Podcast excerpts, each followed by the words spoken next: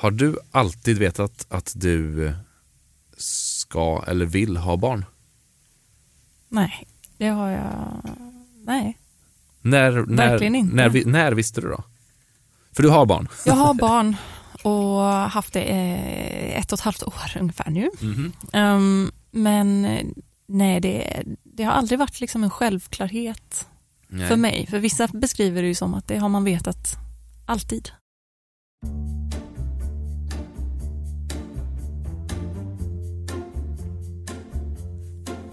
Du lyssnar på Förnuft och känslor där vi försöker förstå olika fenomen och händelser i samhället med hjälp av psykologin. Det är jag, Sofia Calderon, som själv är forskare och Rasmus Persson som är radioprogramledare och allmänt intresserad av psykologi som pratar med forskare och psykologer kring frågor vi är nyfikna på att veta mer om. Podden spelas in vid Psykologiska institutionen vid Göteborgs universitet.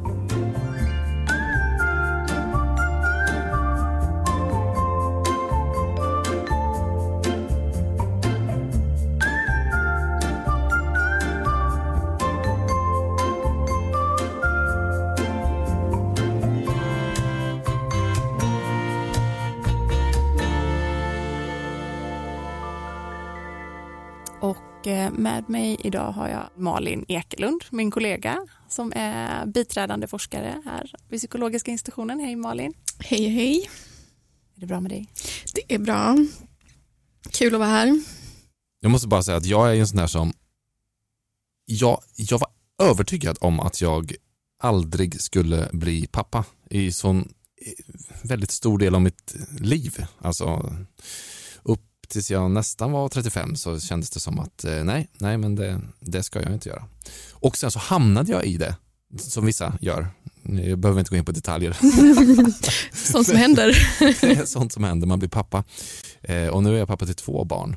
Eh, och ja, så, så jag har liksom bägge perspektiven här med mig in i det här samtalet. Jag tycker det, det är väldigt, väldigt spännande just de här fördomarna Mm. som man har om ja, bägge positioner egentligen.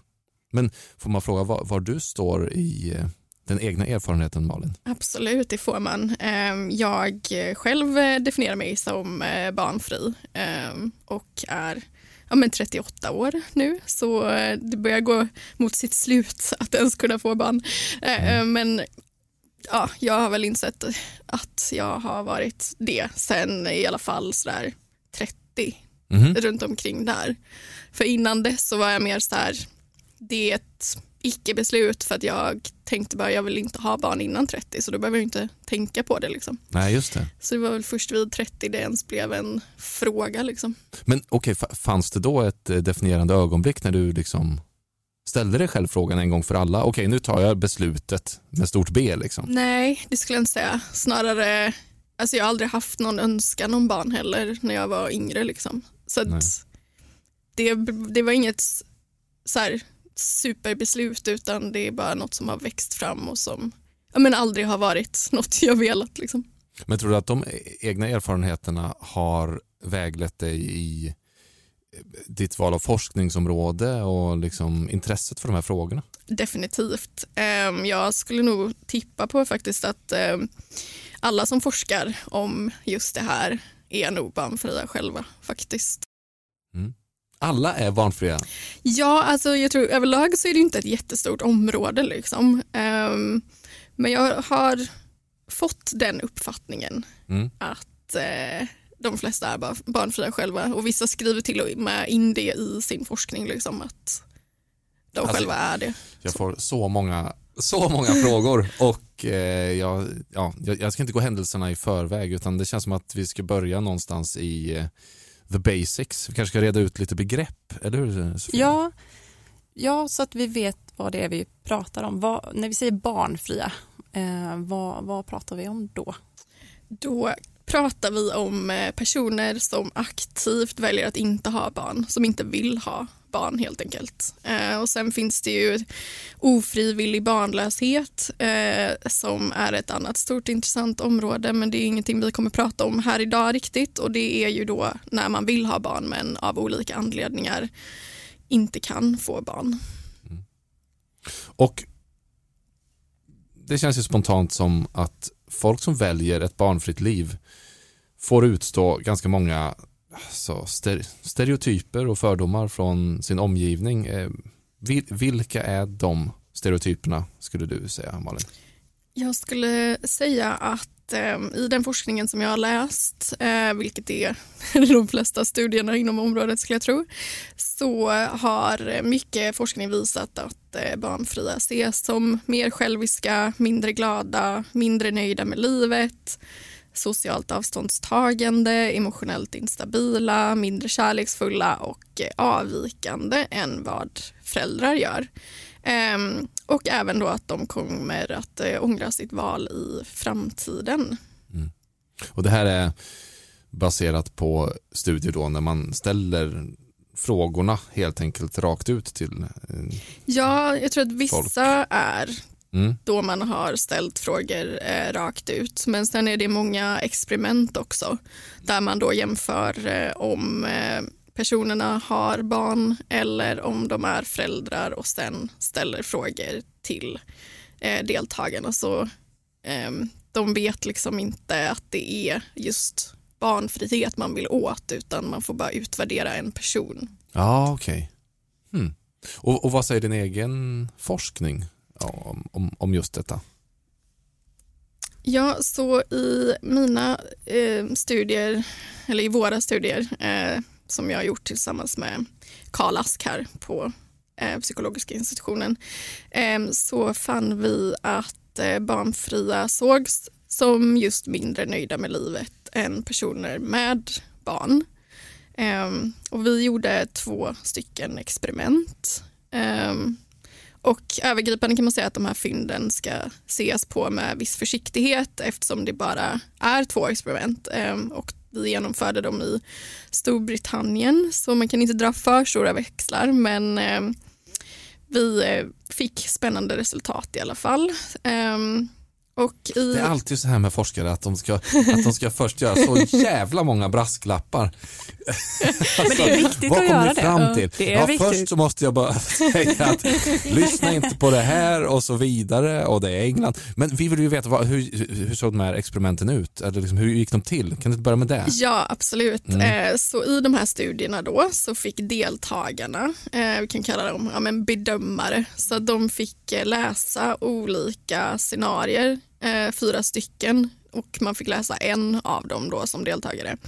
Och där varierade vi huruvida det var en man eller kvinna och om personen hade barn eller var uttalat barnfri. Sen var allt annat exakt likadant i de här texterna. Mm.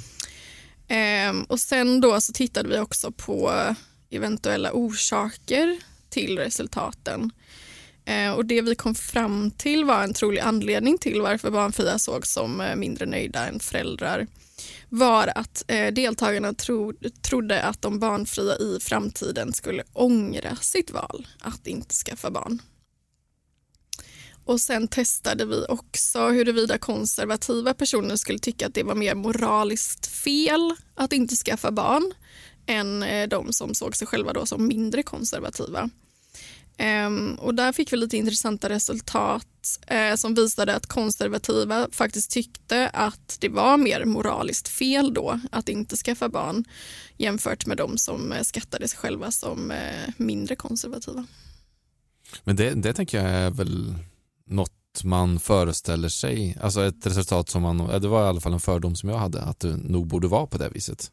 Absolut, eh, det känns ju som ett rimligt mm. resultat liksom och eh, var ju därför vi också hade med just moral i det hela. Eh. Mm. Okej Malin, om du skulle sammanfatta då resultaten i studierna som ni genomförde i England. Ja, för att sammanfatta det så skulle jag säga att eh, vår forskning ger en nyans till föreställningen att barnfria människor uppfattas som eh, mindre psykologiskt tillfredsställda eh, eller nöjda med livet kan man också säga än personer med barn. Eh, det verkar som om föreställningen om barnfria drivs av det faktum att de förväntas ångra sitt beslut. Mm. Eh, och dessutom verkar föreställningen om att barnfria skulle vara mindre nöjda finnas i större grad hos människor som vill eller redan har blivit föräldrar. Varför, varför är det så? Hos jo, de som har, ja, vill ha barn själva? Mm. Eh, det verkar så då som att i första hand eh, så är det de som vill bli föräldrar i framtiden som anser att de barnfria är moraliskt underlägsna och mindre sympatiska. Eh, vilket då kan förklaras med en typ av motivation ehm, där behovet av att fälla moraliska domar över de som inte vill ha barn kan vara starkast bland de som känner sig mest hotade av möjligheten att inte ha barn.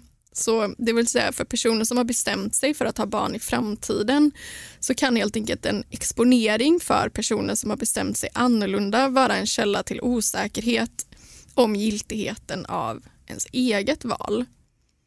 Um, och som tidigare forskning har visat så är att stärka och framhålla sina egna meriter och nedvärdera andras då en strategi för att hantera sådana upplevda hot mot en själv. Så det är därför man bedömer hårdare helt enkelt för att man eh, behöver var... motivera sin egen det var väldigt vilja. många ord där, en del som inte jag förstod. Men, ja. men, men eh, för en lekman eh, så låter det som då att eh, man tycker det helt enkelt att det är fuskigt. Kan man säga så? Att, man tycker att, att det är moraliskt fel. Och moraliskt man, fel. Mm. Ja, det blir liksom, man dömer nästan sig själv i framtiden om man sätter sig själv i skorna på den barnfria och att man själv vill ha barn så ja. liksom ser man den personen som mindre nöjd med livet. För att man vill starkt själv ha barn. Så det blir liksom en krock på vad man själv vill och hur man upplever den här andra personen man bedömer.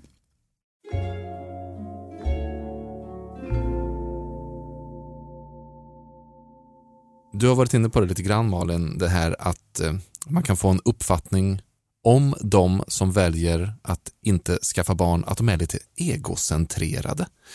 Eh, hur kommer det sig? Mm.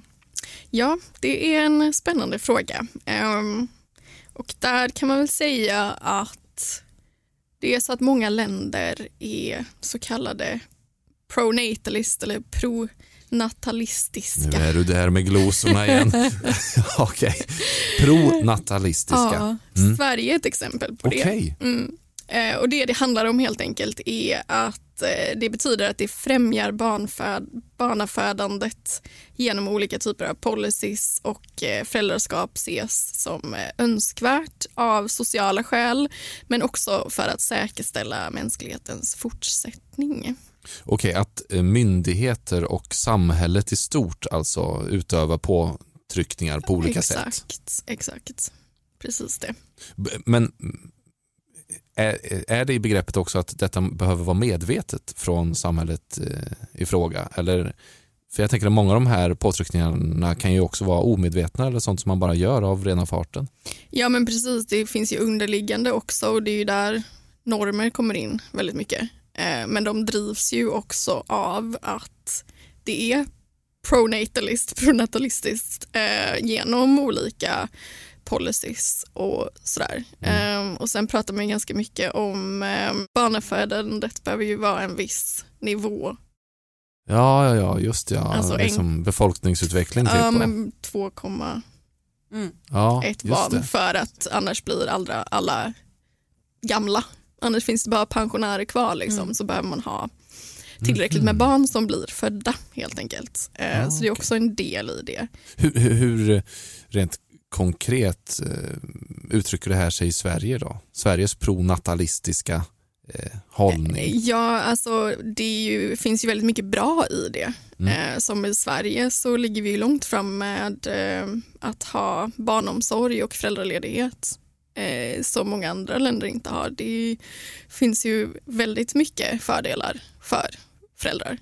Så det visar ju sig på det sättet. Liksom man märker att ens eh, liksom, rättigheter i arbetslivet eh, de blir bra när man får barn. Ja, men exakt. Ett, om man är i, i liksom en tjänst och sådär. Exakt, Då man har rätt att gå ner i tid och, och sådär. Vilket ja, men, många hade gärna haft den rätten tänker jag när man ja. kommer upp i liksom, 35-40-årsåldern. Eh, exakt, men, ja. men, det får man inte riktigt. Nej. Nej, för precis vad händer då när man, alltså du beskriver en väldigt ett hårt tryck från mm. hela samhället egentligen ja. på att vi ska skaffa barn. Vad händer då när man väljer att, eh, att gå emot den?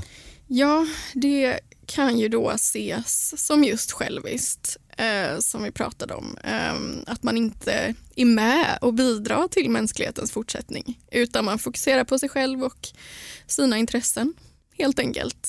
Eh, men sen är det ju också så att eh, många som inte har egna barn kan ju vara viktiga personer i andras barns liv. För syskonbarn eller för en kompis barn eller så kanske man till och med jobbar med barn. Ehm, så det finns ju många sätt att vara involverad i en yngre generation än att ha just sina egna barn. Ehm, och sen tänker jag att om man inte har egna barn så kanske man har mer tid och plats för andras barn än vad föräldrar har. Som Mm. är väldigt upptagna med sina egna barn. Liksom. Mm.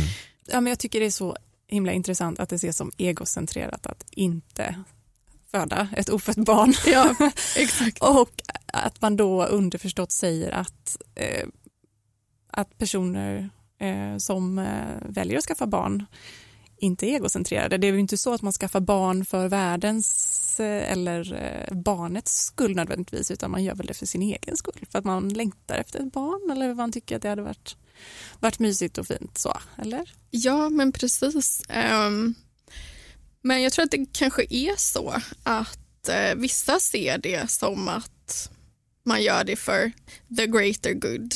Just det här med att hjälpa till och säkerställa mänsklighetens fortsättning. Ehm, men jag skulle inte säga att det är ett stort problem då vi ju är åtta miljarder människor Nej, exakt. eh, just nu.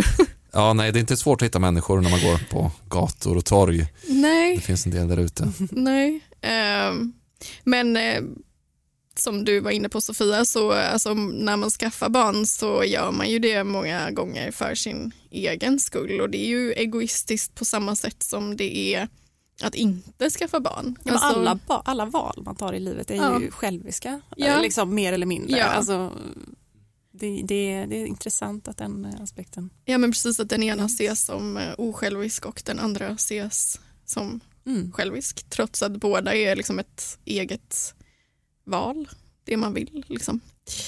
Men eh, sen är det ju så faktiskt också att många ser det ju inte heller som ett val att inte skaffa barn.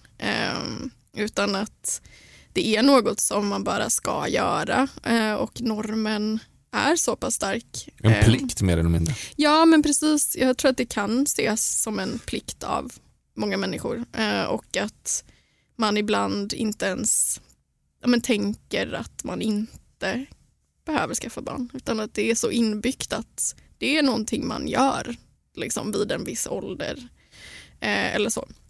Mm. Och eh, sen är det ju så att eh, många gånger så likställs eh, att vara kvinna likställs med att vara mamma Mm. det är liksom så tätt förknippat. Eh, vilket jag skulle säga inte riktigt kanske är fallet för män och faderskap. Det är inte... Nej. Nej men verkligen inte, Nej. det där är ju en superviktig poäng. Mm. Alltså män som uppe, och det finns också en förlegad bild av mäns eh, fertilitet, tänker Mm. jag.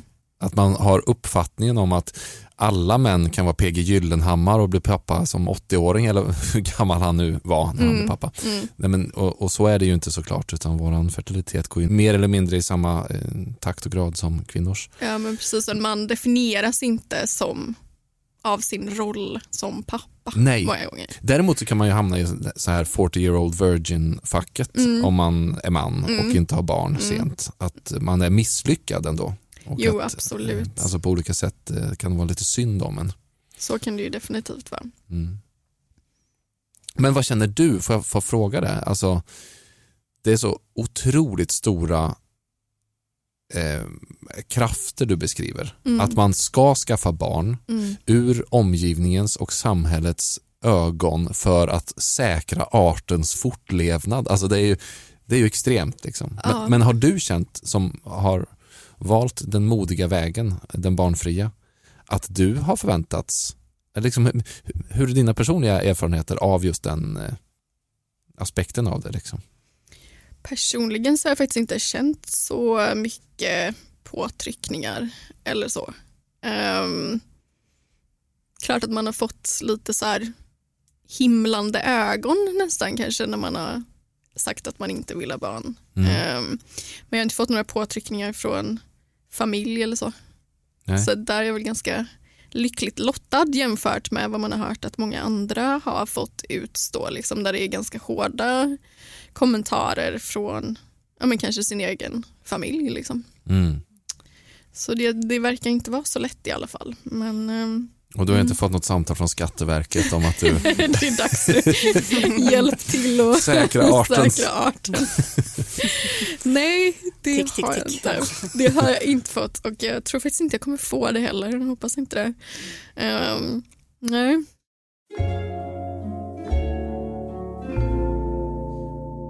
Okej, men vi har pratat nu om hur man uppfattas som barnfri av samhället och sin omgivning, men det är också intressant att ställa sig frågan hur människor som har valt ett barnfritt liv mår också, själva alltså.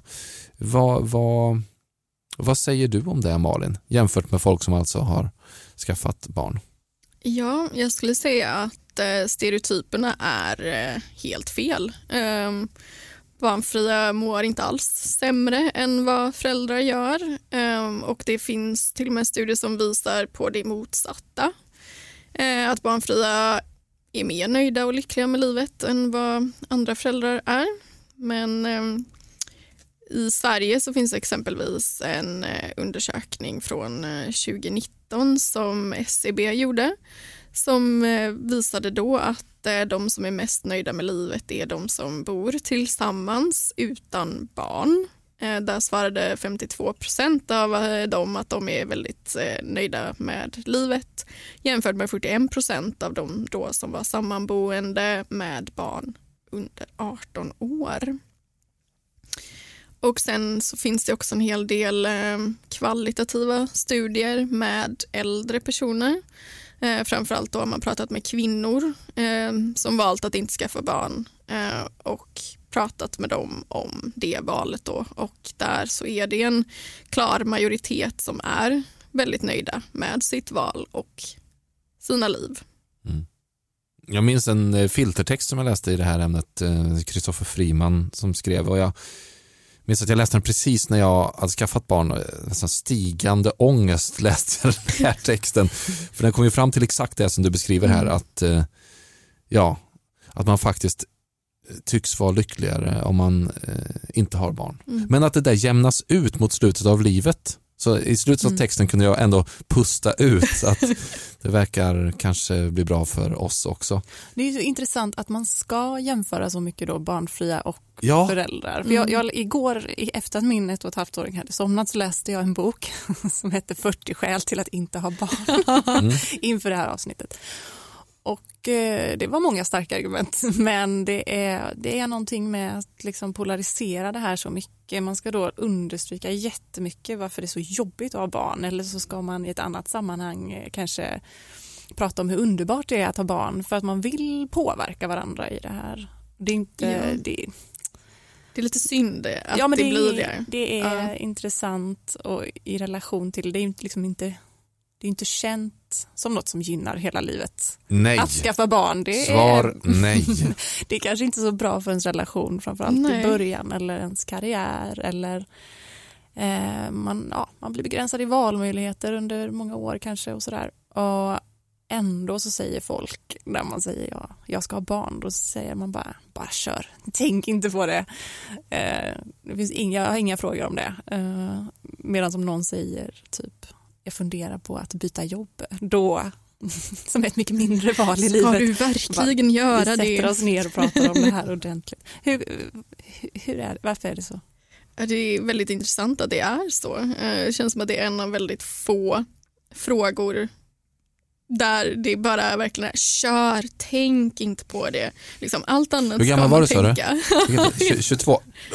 Självklart, Det är inget att tänka på. kör på. Det är superbra, du kommer vara ung och pigg och barnet kommer vara ute ur huset när du är 45 och sen kan du börja ditt liv ändå.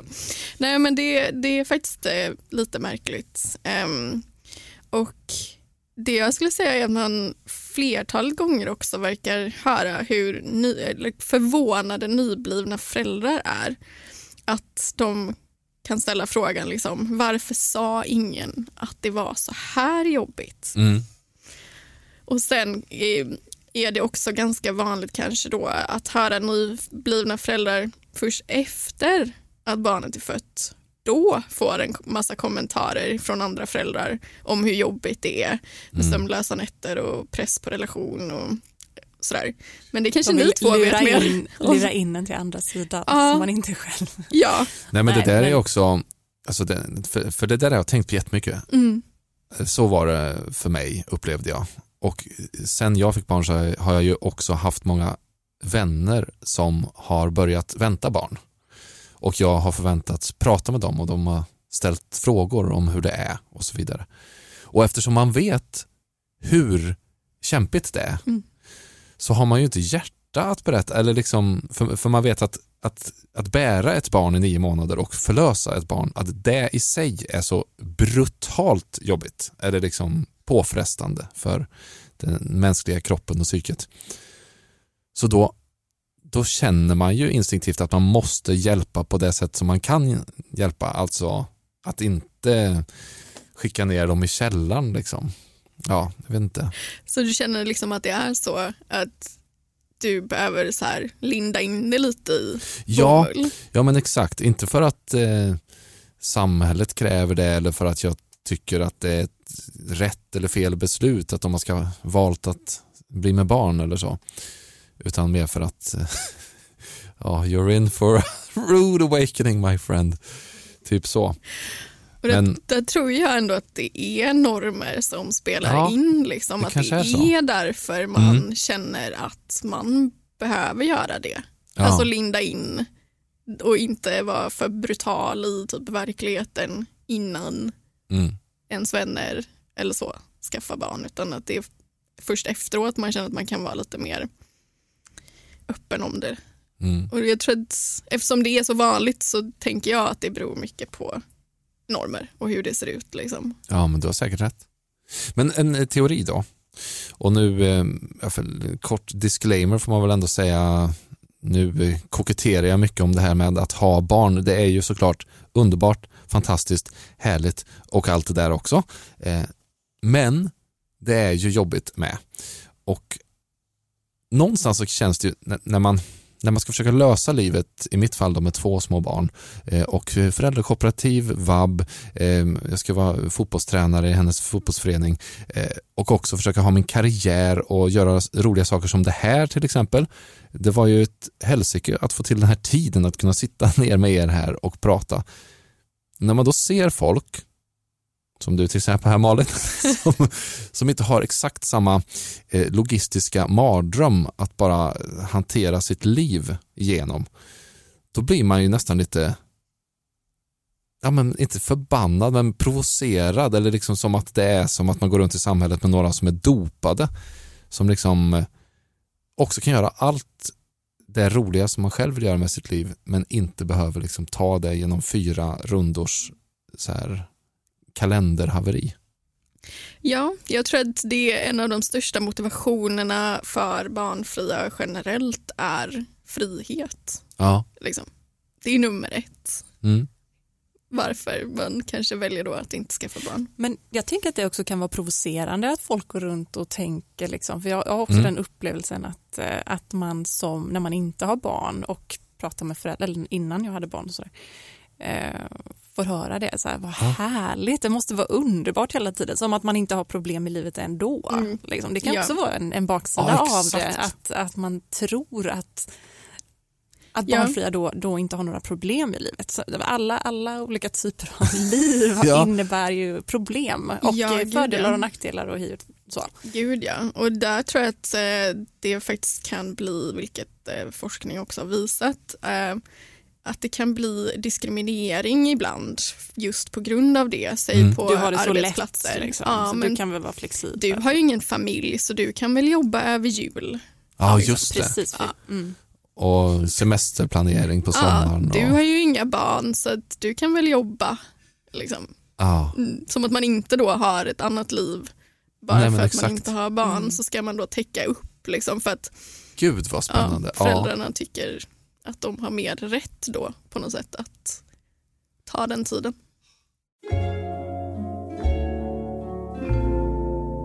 Malin, vi har fått höra här nu under samtalet en hel del om de negativa fördomar eh, som människor som valt att skaffa barn kan tänkas ha om de människor som valt att och väljer att inte skaffa barn. Eh, varför har folk de här negativa stereotyperna om barnfria och varför får de höra alla dessa kommentarer? Mm. Vi har ju eh, varit inne lite på det tidigare. Vi pratade där om eh, pronatalism eh, mm. och den politiska... Plockar fram ordboken. den politiska det. ideologi helt enkelt som mm. många länder har som främjar reproduktion av mänskligt liv. Och jag tror att den spär på de sociala normerna för föräldraskap väldigt mycket. Ehm, och ett, exempel på det är hur media faktiskt skriver om vikten av att skaffa barn. Eh, speciellt när då antal födslar i ett land går ner.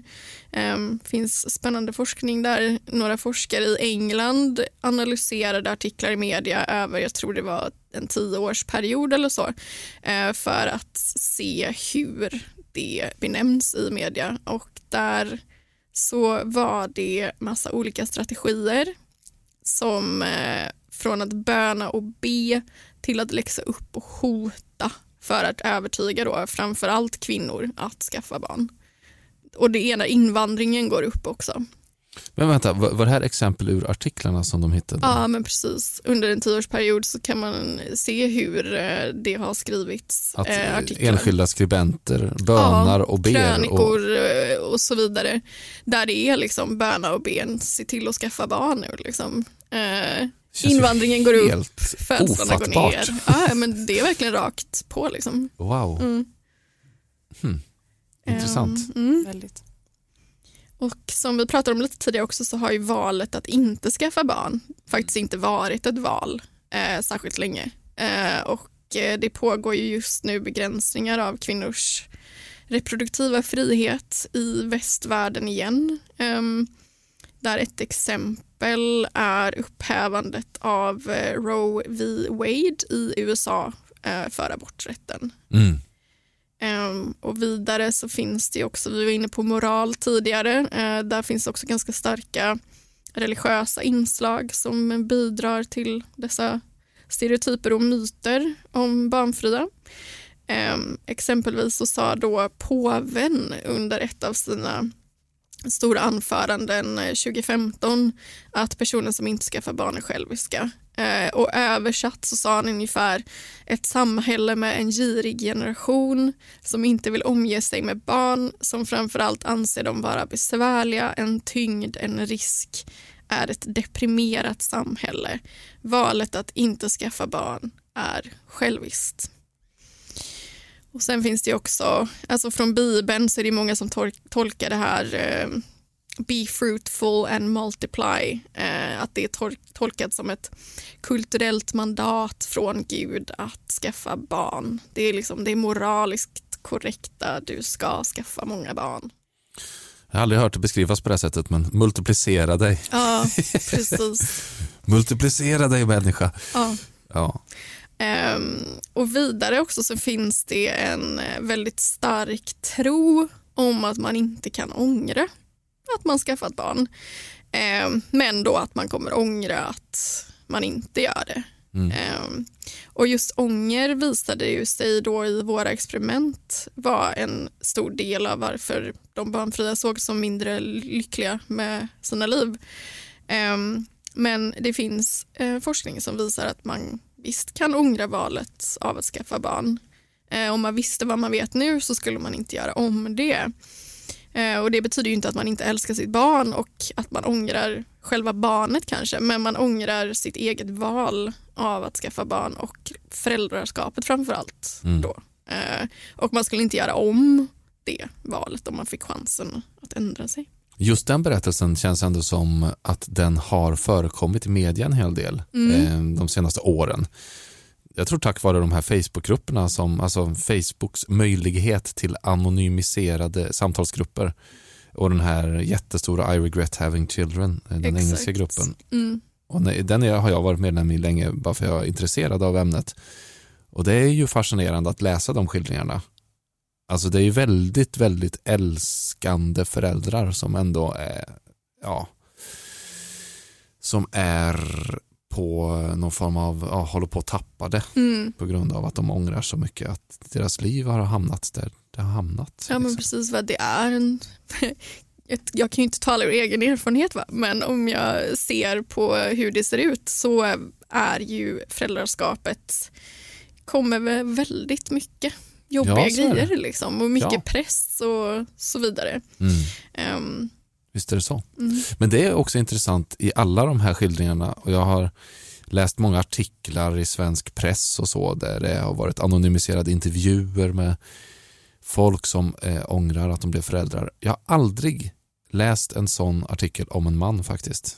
Det är enbart kvinnor än så länge som jag har. Och samma sak i de här grupperna. Jag har aldrig sett en man uttala sig i de här grupperna. Alltså att man ångrar sitt faderskap. Mm. Ett litet medskick till er lyssnare Men det som kanske kan vara en koppling till att kvinnor har det- den här, liksom, som du var inne på innan Malin, att, att kvinnor känner en, en starkare Mm. Norm kring att Ja. det, det kopplas samman kvinna Mm. och mamma Exakt. ännu starkare än eh, man och pappa och så. Just det, och att Och- kvinnan får också klä skott på något sätt för valet och i alla negativa bemärkelser verkar det som. Ja, och det är ju så att det är ojämställt, Mm. föräldraskapet. Ja, Alltså Sverige har väl så. kommit ganska långt men det är ju inte som att det är helt jämställt i Sverige heller. När man väl får barn så är det ofta så att det är i heterosexuella relationer då, som vi pratar om, eh, att det är kvinnan som eh, gör det mesta. Liksom. Det är fortfarande mamman som tar ut eh, föräldraledigheten i störst bemärkelse. mm. Så. Och I andra länder så är det ju väldigt mycket mer ojämställt än vad det är här. Mm. Exempelvis i England där vi gjorde forskningen, liksom, där ses det ju fortfarande som lite märkligt nästan om eh, pappan går runt med barnvagn. Liksom. Jag tror det, det här med ånger och det vi har varit inne på nu relaterar lite till eh, min nästa fråga. Och, och vi vet då att sociala normer, jag tror knappt vi har definierat riktigt vad det är, men det är ju liksom oskrivna underförstådda regler som också då liksom som man får från samhället eller en, en grupp så, som kan påverka hur folk det, de kan påverka hur folk beter sig mot och då pratar med barnfria. Så vad, vad kan sådana här starka sociala normer leda till? Jo, eh, det kan ju leda till att eh, folk fattar beslut som de helt enkelt inte själva vill egentligen. Eh, För att det är ju så att det är oftast väldigt mycket enklare att följa normen än att gå emot en norm. Eh, man blir liksom inte ifrågasatt om man följer normen, vilket man ju då blir om man inte gör det. Så i värsta fall så leder ju det till att folk som egentligen inte vill ha barn skaffar barn ändå. Sen kanske det blir bra i slutändan men det behöver ju inte bli det heller. Liksom. Och då kan det också bli att barnet får lida i slutändan om det är så att man växer upp med föräldrar som egentligen inte vill ha en. Liksom. Och sen kan det också leda till att eh, det är svårt att få sterilisering som barnfri kvinna eller egentligen som kvinna med barn också för den delen. Eh, man blir väldigt ifrågasatt om man vill sterilisera sig. Där män inte har detta problem i alls lika stor utsträckning i alla fall. Eh, Man blir inte ifrågasatt på, ifrågasatt på samma sätt som eh, kvinnor blir. Kan få frågor som eh, ja men tänk om din man dör och du träffar en ny man som vill ha barn Mm. till en kvinna då som redan har barn och Mm. vill sterilisera sig. Eller att ja, men du kommer ju ångra dig. Liksom. Mm. Ehm, och sen är det ju en väldigt stor skillnad i hur de som vill bli steriliserade ifrågasätts jämfört med ehm, kvinnor då som vill genomgå IVF exempelvis. Då får man ju knappt några frågor alls. Konstgjord befruktning då. Mm. Ja, Mm. om man är säker. Liksom. Det ställs inga frågor. Är du verkligen säker på att du vill genomgå det här stora livsomvälvande beslutet? Liksom. Men man får den frågan om och om igen. Har jag förstått om man vill sterilisera sig och många gånger så får man inte en sterilisering om man är liksom under 30 är det ju jättesvårt eh, och mellan 30 och 40 verkar det också vara väldigt väldigt svårt att få. Det här är ju hyperintressant alltså. Jag märker att det sätter igång något hos mig, bara att du säger, alltså jag, jag märker att jag känner normen inom mig på Mm. något sätt. Mm. Och då eh, liksom, jag är verkligen eh, all pro sterilisering, eh, jag har vänner som gjort det och så vidare. Men, men när du säger Mm. bara ordet att en fertil kvinna skulle sterilisera sig, Mm. det är någonting som sätter igång inom mig. Du tänker Alltså, liksom, Det är ett motstånd nej. på något sätt. Ja, Ja. något så här, va? Mm. ja, Nej, varför ja, ska hon göra det? ja. Väldigt intressant. Ja. Mm. ja men det är ju för att normen är stark liksom. Mm. Ehm, jag menar det, det känner ju jag själv. Det är inte som att bara för att jag inte vill ha barn inte påverkas av att höra om barn. Alltså, Det Mm. blir nästan så att man själv bara så här, ja men gud jag är ju konstig. Ja. Liksom, för, att, för att normen är så stark. Men om den nu är så stark den här normen, eh, det måste krävas ja, men, extremt mycket för en enskild person för att klara av att ta det beslutet att bryta mot de normerna då. Mm. Alltså, hur, hur, hur gör man Malin? Man forskar om det faktiskt. Eh, jag tror, men alltså, att vara påläst hjälper såklart Ehm, och att hitta ja, men andra personer som eh, också har tagit det beslutet Ehm, så att man inte känner sig helt ensam i världen. Mm. Ehm, och sen så är det viktigt att mer normalisera det på en samhällsnivå, eh, lyfta barnfria media och även i fiktion. Ja, men låta det ta plats. Liksom. Alltså, om man hör det här samtalet och känner att man nog inte vill skaffa barn. Alltså om man känner sig stärkt i den känslan, till exempel efter att ha hört samtalet. Då är din rekommendation alltså att man ska stå på sig i den känslan, eller? Ja, absolut. Följa sin egen inre röst. Och samtidigt kan det vara tvärtom. Om man har känt eh, att man inte vill ta det beslutet men nu börjar bli nyfiken på att eh, faktiskt bli förälder. Det är ju okej att ändra sig också. Det är Eller- definitivt okej att ändra sig, alltid. Och kanske om man lyssnar på detta och har eh, vänner som är har uttryckt att de inte vill ha barn eller man inte vet. Alltså att vara lite mer som medmänniska kan man vara lite mer öppen för att eh, vissa vill ha barn, vissa vill inte ha barn. Så att man Ja. inte liksom bidrar till att spä på de här sociala normerna genom att slentrianmässigt bara säga du kanske blir ensam när du blir kommer gammal. ångra dig. Ja. Artens fortlevnad, multiplicera dig Jag är för lite fasen. orolig på att vi blir så få i världen. Ja. Nej, men jag tycker det, det är väldigt intressant att så, det, det blir så personligt att många tar det personligt någon annan persons val. Det har ju ingenting med dig att göra, Nej. Att jag inte vill skaffa barn. Men det tas så många gånger som liksom nästan en attack på en själv och ens eget val då, att man bara så här, va? Då har jag gjort fel eller? Mm. Mm. Varför vill du inte? Om jag vill. Men man tänker ju inte det om andra val så mycket. Inte i så stor utsträckning. Så, här, ah, varför köpte du ett hus? Nej. Det väcker inte så starka personliga känslor kanske.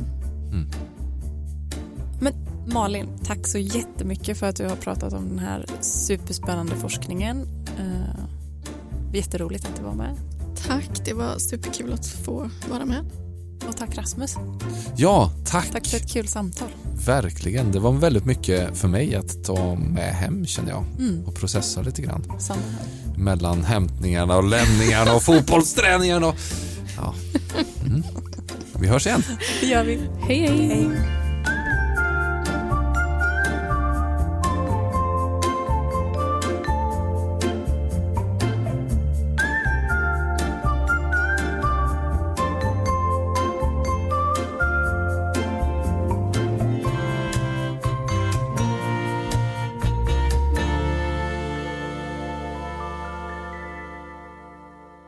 Har lyssnat på Förnuft och känslor, En podd som spelas in vid psykologiska institutionen vid Göteborgs universitet och har finansierats av stiftelsen Gustav Adolf Bratts föreläsningsfond.